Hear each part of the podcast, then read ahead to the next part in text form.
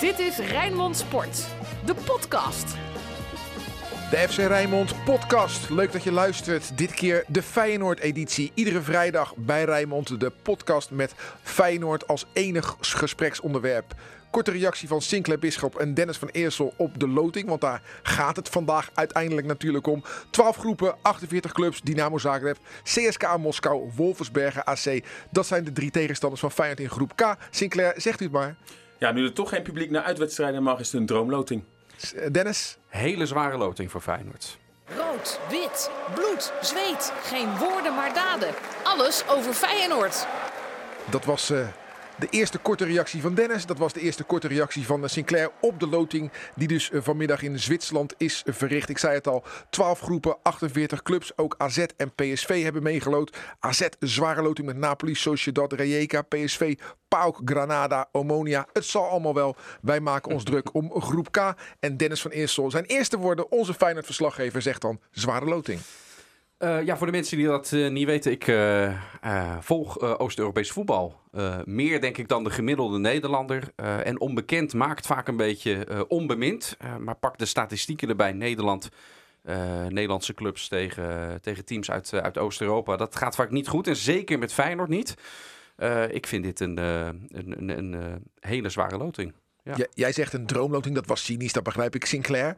Maar toch, uh, ja, dit, dit is niet zo'n hele leuke loting. En je bedoelt eigenlijk te zeggen, ja, er mogen geen mensen bij, maar, maar goed ook dan. Nee, want supporters kijken en die, die vonden bijvoorbeeld ja, Rangers of Manchester United in de laatste jaren leuk. Ja, nu toch uh, naar inderdaad het Oostblok. Daar ga je als supporter toch niet al te graag naartoe voor het voetbal.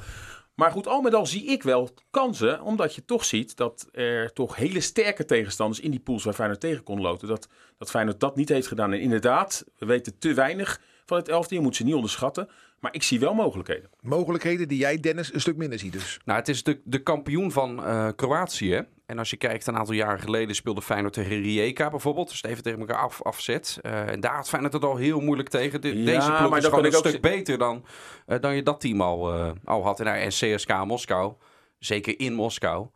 Uh, ja, dat gaat gewoon heel, heel zwaar Laat, worden. Laten we even met Zagreb beginnen. Inderdaad, de kampioen van Kroatië. Op dit moment met uh, 5 gespeeld, 13 punten. Ook koploper in uh, Kroatië. In de Europa League Playoffs uh, Flora uitgeschakeld met, met 3-1 in, in een ja. thuiswedstrijd.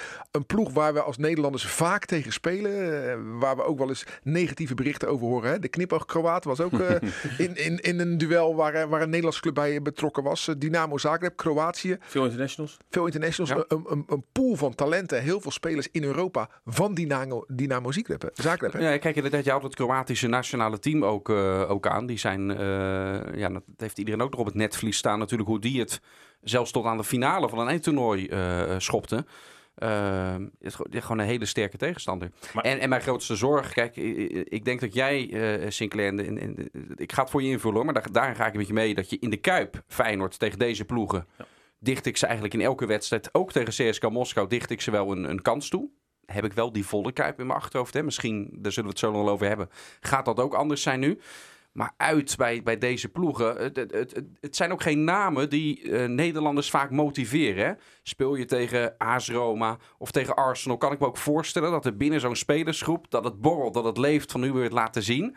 En tegen Dynamo Zagreb uh, is dat, zie je vaak bij Nederlanders, is dat er niet. Terwijl je datzelfde gevoel om daarvan te winnen, zeker ook uit, wel nodig hebt. Even naar het sportieve Sinclair. Vorig jaar in de Champions League deden ze mee in een pool van vier. Eindigden ze onderaan. Ja, uh, maar ja, het is wel zo. Weet je, ik bedoel, uh, tegen dit soort tegenstanders ja, kan je waarschijnlijk wel voetballen.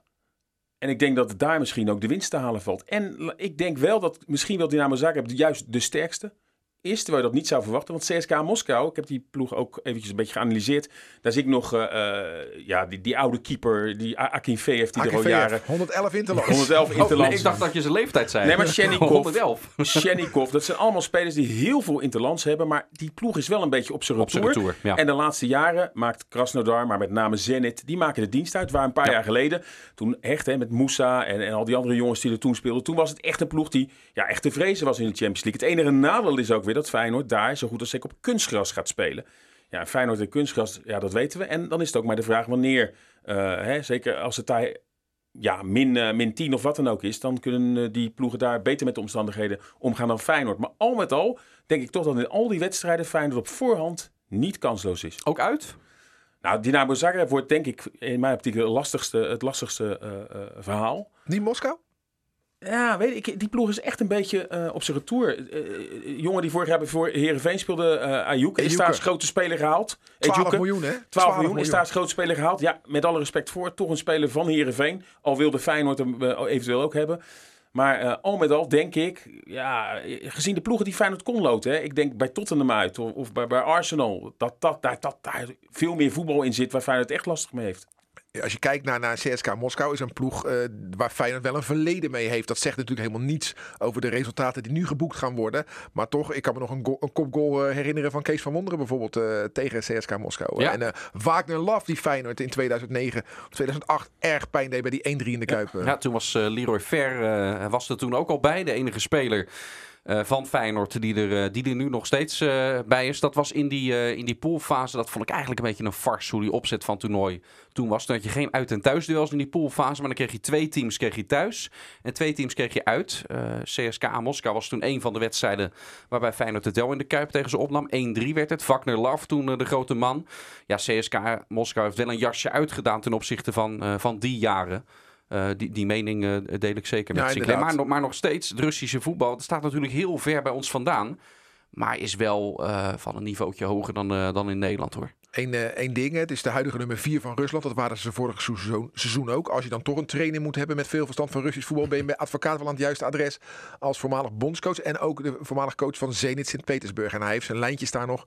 Dus Feyenoord gaat in ieder geval goed voorbereid zijn tegen CSK Moskou. Dat is leuk om met jullie over deze pool te praten. Zaken wordt genoemd, Moskou wordt genoemd. Oh jee. Over Wolfsbergen hebben we het maar helemaal niet, want dat is voor ons toch de grote onbekende. Ja, ploeg die ook nog niet al te lang op het hoogste niveau speelde in Oostenrijk, sinds 2012. Eh, in de voorbereiding hebben ze nog tegen Ajax geoefend. Toen gingen ze er wel 2-0. 2-0 gingen ze ervan af. Maar ja, het is de, eh, denk ik wel de zwakste broeder. En dan is het zaak, mocht je daar nou eens zes punten tegen pakken, dan, dan heb je misschien niet eens zoveel nodig tegen die andere ploegen. Hè? Maar ja, dat is vaak eh, de pech dat Feyenoord bij wijze van spreken het ineens in Oostenrijk weer laat, laat liggen. Want eh Oostenrijks voetbal, laten we eerlijk zijn, is de laatste jaren toch, hoe hard het ook klinkt, een beetje vergelijkbaar met, eh, met het Nederlands voetbal. Dus daar valt denk ik voor Feyenoord de winst te halen. Ja, het grappige is wat Sinclair zegt. Als we, als, als we daar dan de zes punten tegen zouden halen. Volgens mij Wolfsburg vorig jaar in, het, in de Europa Cup 4-0 gewonnen bij Borussia Mönchengladbach. Hè, in de een Bundesliga club. Daar is ook wel heel veel mee gezegd, denk ik. Ja, die, eh. zijn ook, die eh, hebben overwinterd volgens mij ook eh, Ja. uiteindelijk. dus, dus- eraf. Ja, en, maar ze zijn slecht begonnen aan het seizoen. Op dit moment de nummer 9. Eén gewonnen, twee verloren. Ja, ik Zeg- begreep, ik begreep, maar ik moet zeggen, ik, heb, ik ben daarna naar, naar het persmoment geweest, dus nog niet heel goed in, eh, eh, ingelezen over die tegenstander ook. Maar ik begreep dat er wel na dat succesvolle jaar, dat er wel wat eh, sterkhouders daar vertrokken Ja. zijn ook na dat Ik kijk ook altijd naar internationals, die zitten daar niet bij. Bijvoorbeeld hè, bij Dynamo Zagreb juist heel veel. Dat vind ik er ook altijd een graadmeter om een beetje in te schalen eh, wat je nou een beetje tegenkomt. Maar feit is wel ja, dat Feyenoord echt, hè, Feyenoord kennende, bij al die wedstrijden moeilijk zal hebben. Maar ja, willen ze wat, denk ik wel dat het tegen al die ploegen wel wat misschien te halen valt. En, en normaal gesproken, hè, eh, dat had je met, met Manchester United, met Napoli, toen met Manchester City. Ja, dan weet je eigenlijk van tevoren al dat het, zeker in die uitwedstrijden, echt kansloos is. Oké, we zetten er een streep onder. Wie wordt in deze pool, pool K van de Europa League, wie wordt nummer 1? Dynamo Zagreb. Ik denk ook Dynamo Zagreb. Wie wordt nummer 2? Ik zeg CSK Moskou. Ik zeg Feyenoord. Dan zeg jij dat Feyenoord dus derde wordt. eh, Of vierde. Ik denk dat Feyenoord derde wordt dan. Ja. Dan zijn ze klaar. Het is niet wat ik wil, hè? Nee, nee, Dat nee, nee, nee, maar dat, dat, nee, maar dat wordt ook vaak eh, verkeerd uitgelegd als, als mensen ons om onze mening vragen. Ja. Dan denken ze vaak dat wij dat willen. Nee, dat is wat we denken. Tuurlijk hopen wij dat Feyenoord kampioen wordt. Tuurlijk hopen wij dat Excelsior promoveert. Maar dat wil niet zeggen dat we dat ook denken dat het daadwerkelijk gaat gebeuren. En het mooie is, dit is een beetje net als de peilingen van, eh van Maurice de Hond. Toen hij zich vooral nog met politiek bezig hield. Het is allemaal lucht, hè, wat je, eh, waar, waar we het over hebben. Want ook eh, de laatste keer dat Feyenoord overwinterde, poolwinnaar zelfs werd in een pool met Sevilla. Denk ik dat niemand in de voorbeschouwing had gezegd van oh, Feyenoord gaat door. Feyenoord wordt eerst in die pool. dat heeft precies. niemand gezegd. Dus ik ben- laat me heel graag verrassen. Jij bent in de Kuip geweest eh, vandaag, eh, Dennis, eh, om te praten met Dick Advocaat over die loting. Hoe was zijn reactie? Ja, hij kijkt vooral uit om weer naar Rusland eh, eh, natuurlijk eh, te gaan. Hij refereerde aan Dr. Sivago. Ook daarbij moet me nog inlezen. Ik, dat, dit, was echt, dit was even een generatie, eh generatie eh. Heb, heb je de persconferentie gezien, Sinclair? Ik heb de persconferentie gezien, ja. En dan vind ik toch, je kan tegenwoordig heel erg met Dick Advocaat lachen. Ik vind echt dat hij een leuke humor heeft. Maar hij laat toch ook een aantal keer hij deelt die steken onder water uit naar zijn leidinggevende Ja. bij Feyenoord. Hè? Naar Arnezen, naar de directie over het niet halen van een vervanger voor de geblesseerde eh Nicola Jurgensen. Ja, je ziet echt dat hij aan het stoeien is met Arnissen. Ja, en dat hij er gewoon heel moeilijk mee om kan gaan. Dat er gewoon geen geld is. En ja, het beleid van Feyenoord is uiteraard dat ze ook geen onverantwoorde dingen willen doen. Zeker misschien, je weet niet hoe groot de coronaklap gaat, eh, gaat worden. Dus die willen geen onverantwoorde risico's nemen. Hij heeft natuurlijk bij heel veel clubs gezeten, zeker in Rusland, waar het geld tegen de plint aan klotste. En, en dan kon elke speler die hij wilde. Ja, iedereen ziet ook wel dat dit problematisch kan worden met deze spits. Met Jurgensen die niet altijd fit is. Met Bosniek die eigenlijk nog niet helemaal gepolijst is om eerste spits te zijn. Dus dat hij een spits wil hebben, begrijp ik. Maar ja, dan moet je dat intern houden. Dat zei hij laatst ook over Dat wou Berghuis. ik net zeggen. Dat wou ik net Kritiek zeggen, ja. intern houden. Want ja, dit, dit voelt toch een beetje of er, eh, of er wel wat op de achtergrond eh, Ja, en eh, ik, speelt. En wat bij mij ook een beetje bleef hangen na afloop, van hij leek een soort tweespalt ook te creëren, die er volgens mij helemaal niet is. Want enerzijds eh, gaf hij toe van, joh, het argument vanuit de directie is, er is geen geld. Eh, en anderzijds suggereerde hij soms ook van, ze zitten niet met mij op één lijn, eh, alsof ze het niet, niet zouden willen. Maar volgens mij is die tweespalt er in werkelijkheid niet. Als de ruimte er was, eh, Arnes is niet gek. Nee, Maar die, maar- die, had dan ook, die was dan ook wel Maar wat een ik dan als leek, als buitenstaander dan wel vind. Hè, ik, ik zie Feyenoord opereren. En dan zie ik dat er spelers uit het buitenland worden gehaald voor Feyenoord onder 21. Dat is, staat natuurlijk niet in verhouding tot de salarissen die spelers in Feyenoord 1 verdienen. Dat begrijp ik ook wel. Maar als je drie spelers van Feyenoord 21 o- op elkaar stapelt, heb je een speler van Feyenoord 1 qua salaris. Dus Daar zit ben- de ergernis bij, bij advocaten met het meeste in, wat jij nu zegt. Nou, er is voor anderhalf miljoen euro heeft Feyenoord zich versterkt. Anderhalf miljoen euro, dan ben je een topclub die Europa ingaat. Ze hebben bij wijze van spreken alleen al voor Summerville een miljoen gekregen. En de irritatie zit hem dat hij zo weinig heeft kunnen investeren met allerlei vage deals. Hè, en en transfervrije linsen en, en, en, en ook eh Spajic die natuurlijk ook Diemers is moeilijk. voor betaald natuurlijk. Hè? Diemers is daar eens voor betaald. In totaal anderhalf miljoen daar is in geïnvesteerd. Ja, dat is natuurlijk wel heel erg weinig. En zeker als, en ja, ik vind het soms een beetje flauw, maar advocaat weet dan ook dat er de laatste tijd, vlak voor de corona, is Larsson nog voor rond de 4, 5 miljoen verkocht. En ja, dan denkt hij, kan ik niet iets meer uitgeven dan deze anderhalf miljoen? Want dat ja. is inderdaad weinig. De club moet ook een beetje sparen voor het stadion natuurlijk. En dat is, dat is toch ook zo? Ja, en, en de klappen van de coronacrisis. Ook dat. Eh, want ja, daar kun je ook makkelijk overheen eh, stappen als advocaat zijn. Maar dat is wel een realiteit waar de directie, en ik denk terecht, rekening mee moet houden. Eh, zeker niet wetende hoe is de situatie straks na januari. Wanneer het echt nijpend wordt als dat stadion nog niet, nog niet vol is. Het gaat om miljoenen. Ja, en Wat- Feyenoord wat- heeft natuurlijk ook in het eigen vet gesneden eh, door een loonoffer te vragen. Ja, dan is het natuurlijk ook eh, eigenlijk een beetje vreemd als je dan nu toch wel weer met miljoenen gaat uitgeven. Ja. Mocht er wat gebeuren, want dat is het eigenlijk. Hè? Mocht Ja. er wat gebeuren, want volgens mij geeft de advocaat ook wel toe. Mocht alles een beetje aan boord blijven, heb ik wel een selectie waar ik wat mee kan. Ja, maar jij houdt het stadion ook aan, eh, Ruud. Ik, ik snap ook heel goed bij, eh, bij, bij de achterban dat het ook heel wrang is. Hè? Vooral omdat het er al jaren over gaat. Er is heel veel geld besteed ook aan plannen die uiteindelijk niet zijn waargemaakt. Geld wat Feyenoord natuurlijk heel graag in spelers had eh, willen investeren. Toekomstmuziek. Hoe is het met de man van glas? Wie? wie, wie? Begin met M, eindig op Jurgensen. Welke, van- welke van de zes? Nicola Jurgensen. Ja, het- in het begin van de week eh, las je berichten hè, dat het allemaal wel meeviel. Ja, maar eh, leek het het valt, ook op. valt helemaal niet mee, hè? Ja, daar leek het ook op. Dat, het, eh, dat hij deze week weer op de training gewoon zou, zou aanhaken. Maar toch, eh, het is allemaal toch weer wat ernstiger dan verwacht. K- Krijgt er niet eh, de vinger achter wat hij nou precies heeft. Dan wordt het toch weer geschermd met die privacywetgeving ook. Dus ook niet met hoe lang het nu gaat duren. Mijn gevoel zegt dat het, eh, dat het wel weer een kwestie van enkele weken is. Dit is niet één wedstrijdje wat hij dan nu mist. Als ik advocaat vandaag ook zo beluister, dan is dit wel weer iets wat, eh, wat mogelijk weer langer gaat duren. En ja, ja, volgens mij in de vorige podcast eh, zeiden we het al, het begint een beetje een gebed zonder, Ja. zonder eind te worden. Wel heel triest voor, eh, voor hem, Ehm, want eh, ik spreek hem wel eens en hij, hij wil zo graag. Ja. Hij wil zo graag weer laten Misschien zien wat hij, in dat, wat hij in dat kampioensjaar liet, liet zien. Weet je, wat dat betreft, qua, qua mentaliteit zit het met hem echt goed. Ja. Dat, dat, daar kan ik mijn hand voor in het vuur steken, hoe graag hij dat, dat wil laten zien. En het, het zit hem dan ook zo tegen. Eh, met, met al die blessures. Het is, eh, ik, vind, ik vind het ook heel sneu. Want ik, eh, ja, ik, ik, ik heb nog steeds die Jurgensen op het netvlies van dat kampioensjaar. En dat is gewoon voor Feyenoord is dat een uitstekende spits. Over eh, eh, tegenslag gesproken. Conte ook weer een tegenslag. Hè? Die gaat er voorlopig ook niet staan. Hè? Nee, en dat is wel vervelend als je dan ziet eh, dat zijn vervanger eh, het dus niet goed doet. Hè, in de persoon van Linsen. Er is gewoon echt een probleem op die plek. Ja, Narsing heeft er dan nu twee keer gevoetbald. Maar ja, Conte gehaald. Dat is dan ook een jongen waar dan nog iets voor betaald is. Die zit in die anderhalf miljoen. Maar ja, nog, eh, nog weinig van, eh, van kunnen zien. Ja, en als je dan ook al met zo'n achterstand begint. Misschien is het eerder eh, wachten op Sinistera nog dan die Conte. Want dat lijkt ook een gebed zonder einde te worden. Hè? Telkens in van blessure naar blessure. Er is wel weer wat positiefs. Hè? Sven van Beek deze week weer op het trainingsveld gezien. Sinistera dus op het trainingsveld. Malasia traint alweer mee. Gaat goed. Gaat misschien naar de interlandperiode. Gaat hij alweer, gaat hij alweer aansluiten. Dus dat zijn dan wel weer wat positieve dingen. Maar ja, al met al is het, eh, is het eh, ja, toch een beetje triest. Eh, hoeveel blessures Feyenoord nu al in het prille seizoen heeft gehad. De, de persconferentie stond dus grotendeels in het teken van de loting voor de Europa League. De UEFA kwam deze week ook nog even met een mededeling. Supporters zijn eh, in beperkte mate welkom. Dan denken mensen, hoi hoi, we, mogen de Kuip in. Maar ja, als de Nederlandse regering iets anders zegt, dan, dan, dan is het toch een mededeling van niks voor, voor de UEFA. Ja, eh, het is fijn dat als Nederlandse toestaat dat de UEFA dat dan ook doet. Maar voorlopig kunnen we er niks mee. Ja, het is een beetje blij maken met een dode mus. Want eh, uiteraard in elk land beslissen de lokale autoriteiten wat er wel en niet eh, eh, mag. Hè? Dus eh, eh, hoeveel fans, of er überhaupt fans mogen zijn, of het dan eh, met mondkapjes is of niet. Het blijft aan de Nederlandse regering of dat, eh, of dat wel of niet mag. FC Rijnmond. Archief. Ja, Willem 2 Feyenoord, dat is het duel dat eh, aanstaande zondag op het programma staat. Europa League zetten we nu even een streep onder. Half drie in het eh, Koning eh, Willem 2 stadion.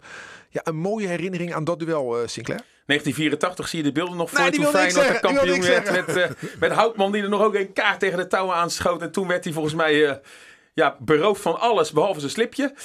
Ja, dat is een van de mooiere. maar goed, eh, eh, recent, eh, de kampioensjaar, weet ik nog een, een prachtig hakballetje van Nicolai Jurgensen op een voorzet van Bilo Bassicoglu. Tapia met zijn eerste doelpunt 0-2. Al met al eh, toch wel wat aardige wedstrijden op mijn netvlies. 6 mei 1984 was die wedstrijd. Hè? Willem 2 Legendarische Feyenoord 05. datum. En ja, inderdaad, 6 mei toch weer een datum die aan Feyenoord kleeft. Hè? Het was inderdaad de 05. 0-1 eh, door de beste Feyenoorder aller tijden, zeg ik cynisch. Eh 0-2 eh, Henk Duut. 0-3 Houtman. 0-4 Stanley Bart. 0-5 eh, Peter Houtman. En toen kwamen er zoveel supporters van Feyenoord het veld op. En je zag Feyenoorders werkelijk in hun onderbroek van het veld afgaan. Die waren alles kwijt. En ik, ik, ik, zou niet, ik sluit niet uit dat er zelfs een Feyenoorder in zijn bloot piemel van het veld afging. Want ja, maar ja, daarna eh, een groot feest. En Feyenoord dat, dat jaar dus ook die dubbel pakt. Hè. Later pakt, werd toch de, de beker gewonnen door Fortuna Sittard eh, te slaan. En eh, Peter Houtman, collega van ons, heeft eh, jarenlang natuurlijk op de sportredactie ge- gewerkt. eh, hebben we jarenlang discussie met hem gehad. Die goal tegen Fortuna Sittard in de Kuip. Dat wij zeiden, je tikte hem met je, met je piemel erin. Hij zei, nee, ik kopte hem erin. Ik liet hem langs mijn borst glijden. En wij zeiden, echt niet. Een marselgoaltje met je piemel erin. en Feyenoord won toen de dubbel. De rest is eh, geschiedenis. Dennis, jouw herinnering aan de Willem II Feyenoord. Trouwens, Willem II, jouw tweede favoriete club van Nederland, toch? Of, Nou, nou, misschien is het Nou mooi- gaat hij los, hè? Misschien is, het mooi om, misschien is het mooi om dat te vertellen. Ja, sowieso, als je jezelf het Ajax van het zuiden noemt, dan sta je bij mij al, al, al 3-0 achter natuurlijk. De- een van de eerste keer dat ik voor Rijnmond naar Willem II eh, ging, toen, eh, ik weet niet eens meer welke wedstrijd het was, liep in ieder geval niet goed af. Dus al een beetje chagrijnig daarna. En ik loop richting die uitgang. En voor de mensen die dat niet weten, als je je eentje naar een wedstrijd namens Rijnmond gaat, dan ben je echt een, een, een pakezel. Want je hebt een statief bij je, een camera bij je, je radiokoffer bij je. Voor de rest geen medelijden, want ik vind het het meest fantastische om, eh, om te doen, die, eh, die wedstrijddagen. Maar dat, dat is altijd even van en naar je auto is altijd even, even heftig. En dan eh, ga ik richting die uitgang, toch al een beetje de schurf erin. En dan staat die mascotte van Willem II, die staat daar bij die uitgang, die staat je nog uit te Die je, Kingo. Kingo. En als er nou één mascotte in Nederland is, dan ik denk van ja, maar hoe kindonvriendelijk wil je het hebben? Dat is een leeuw met die tanden die er een beetje uitsteken. Naar die ogen kijken, echt een beetje een psychopatenkop. Ik vind dat zo'n raar beest. Ik vind dat zo'n raar beest. Dus dit verhaal vertelde ik toen ik terugkwam op de, op, op de redactie. Ook een hele tirade over Kingo. En dat scheen zo leuk te zijn dat toen ik eh, zelf vader werd, niet, niet al te lang daarna... Dat, eh, dat er één collega achter mijn rug om, die heeft met Willem II zitten bellen. Ja, we hebben hier bij Rijnmond één verslaggever. Ja, die is, die- we weten niet waarom, maar die is zo'n fan van jullie. en voor zijn zoon willen we graag, die kon er niet het echte verhaal vertellen. Voor zijn zoon willen we graag een, eh, een Kingo-knuffel. En tot op de dag van vandaag op, eh, op Milanse kamer, zo heet mijn zoon, eh, staat die, die knuffel van, van Kingo. Heeft de tand destijds, oh, haha, heeft de tand destijds heeft hij, heeft hij niet doorstaan trouwens, die, dat beest. Nee. De Feyenoorder van de week. Ja, ja. Uit, eh, niet Kingo. Nee, nee, nee, niet Kingo. We komen uit, eh, uit Feyenoord-ADO, 4-2. Dan hebben we de week daarna lang om eh, over na te denken. En dan kunnen we nu kiezen de Feyenoorder van de week. Zeg maar, Sinclair. Bijlo, omdat hij een penalty stopt. En eh, nee, Bijlo ga ik dan noemen omdat hij als enige tot nu toe in dit seizoen zijn niveau heeft gehaald. En bij alle andere Feyenoorders heb ik toch een beetje tot nu toe het gevoel dat ze eh, ja, nog niet de vorm hebben die we van ze verwachten. Jij, Dennis? Marco Senesi. De wereldgoal. Ja, met die wereldgoal. Ik zou hem met Bijlo wel willen noemen als iemand waarvan ik wel vind dat hij, eh, dat, dat hij zijn niveau al, eh, al haalt wat we van hem gewend zijn. Feyenoord moet heel hard hopen eh, dat, hij, dat hij gaat blijven. Daar lijkt het ook wel op, want Feyenoord zit heel hoog in de boom wat betreft transfersom voor hem. Hè. Voor, voor onder de 30 hoeven ze niet te bellen. Dus ik denk dat hij nog wel een seizoen bij, bij Feyenoord speelt. En niet alleen vanwege die wereldgoal... Maar ook hoe die, uh, hoe die verdedigt, hoe die zijn mannetje staat. Echt de leider nu al in, in korte tijd geworden van die achterste linie van, uh, van Feyenoord. Als ik mag kiezen, Feyenoord van de week, kies ik voor een invaller. Texera viel goed in uh, tegen ADO. En om dan gelijk het bruggetje naar aanstaande zondag, Feyenoord Willem II te slaan. Gaat hij spelen? Niet in de basis. Maar dat kon je in die invalbeurt ook al, al zien dat dat gewoon nog te vroeg is. Het zat hem uh, fysiek en zijn benen stroomden, uh, stroomden vol. Hè. Door, de, door de verzuring moest hij moest heen spelen. Daardoor gingen er ook nog wel wat dingen mis. Maar wat ik mooi vond bij hem om te zien was dat er overal wel een gedachte achter zat bij elk balcontact. En dat balcontact leverde soms ook balverlies op nu. Uh, maar dat kan alleen nog maar beter bij, uh, bij hem worden. Maar in de, in de basis verwacht ik hem zeker nog niet nee, te zien. Want Diemers is weer fit. En ik verwacht dat Kukcu wel wat meer krediet heeft dan uh, gelijk na twee slechte wedstrijden dat hij hem eruit gooit. Ja, het is een signaal. Hè, werd in de rust gewisseld. Maar ja, hij is natuurlijk altijd helemaal gecharmeerd geweest van Kukcu. Dan vind ik het een beetje raar na twee, drie wedstrijden zo'n groot jong talent ja. nu al slachtoffert. Maar dat hij aan de bak moet en dat hij uh, het niveau op moet gaan krikken. Ik denk Kukcu wel, mogen duidelijk zijn. Ik denk op het middenveld wel Diemers weer terug voor Toornstra. Dat denk ik wel, ja. ja, ja. Wat denk, je, wat denk je van Linsen? Gaat die uh, blijven staan? Want ik heb wel het gevoel dat Narsing vaak heel veel hoongelach omdat hij veel van die kansen mist. Maar er gebeurt wel altijd iets als hij erbij is. Er wel heel veel dreiging erbij. Dat die er misschien wel dicht tegenaan uh, zit. Ja, is... Eer, eerder dat daar gewisseld wordt dan, dan dat Ja, inderdaad. Eerder dat daar gewisseld wordt. Maar advocaat kennende, zeker omdat ze toch wel gewonnen hebben... denk ik dat hij wel weer gewoon in die formatie begint zoals hij begon. Met eventueel dan Diemers uh, weer terug in, uh, in, in het elftal. Maar dat hij wel duidelijk wel wat waarschuwingen geeft aan spelers. Van hey, tot hier en, uh, en niet verder. Ja, en Jurgensen is er dus weer niet bij, hè, definitief. Boseniek zal dan in de spits spelen. Ja, en ook voor Boseniek wel weer een kans om het te laten zien. Want vooralsnog, ja, dat proef je ook een beetje uit de woorden van Dick Advocaat... is nou nog niet de spits die hij verwacht dat, dat daar op de nummer 9 moet staan. Samenstelling defensie, nieuwkoop rechtsback of Geertruida, Spajic op het bankie, zeg het maar. Ja, Spaartjes begint op de bank. En ik denk dat hij gewoon vast staat aan Geertruiden aan het centrum met Senesi. Dus dat Nieuwkoop als, uh, als rechtsback uh, begint. Ter club. Kijk eens aan. Ook dat nog. Dat uh, aanstaande zondag uh, op Radio Rijnmond natuurlijk te volgen. Willem 2 tegen Feyenoord. Een wedstrijd die om half drie begint. Dan begint ook uh, Sparta tegen AZ. Dus we gaan van beide duels live verslag doen. Ja. Geen nepgeluid bij het, ons op de radio op de achtergrond. Het, het illustere duo van Eersel Bisschop wordt uit elkaar getrokken. Oftewel, jij gaat oh. naar... ja, nee, nee. Op, in de nette manier oh, van... ja, ja. Nee, nee, nee, nee. Dennis gaat naar Tilburg. Sinclair gaat naar het kasteel. En wij gaan daar op gepaste wijze en enthousiaste wijze natuurlijk verslag doen van die twee geweldige eredivisiewedstrijden. En dan is er, als je terug wil luisteren, deze FC Rijnmond. Als je terug wil kijken, FC Rijnmond, de uitzending van vrijdag, kan dat natuurlijk op Rijnmond.nl. En in onze app, daar natuurlijk ook veel meer te vinden over het voetbal in onze regio en over alle andere sporten. Maandag zijn we er weer met de volgende podcast, dan de algemene, waarin we Sparta, Feyenoord, Excelsior en FC Dordrecht bespreken. Dan op dinsdag de Sparta-podcast en volgende week vrijdag is er weer de Feyenoord-podcast. Dit uh, is een moment om af te sluiten met uh, de, de, de, de, wensen. De wensen om een, uh, een geweldig voetbalweekend te gaan beleven. Ik wens jullie heel veel plezier tijdens het komende voetbalweekend. En uh, geniet zondag van Willem II Feyenoord en Sparta tegen AZ. Dit was Rijnmond Sport, de podcast. Meer sportnieuws op Rijnmond.nl en de Rijnmond app.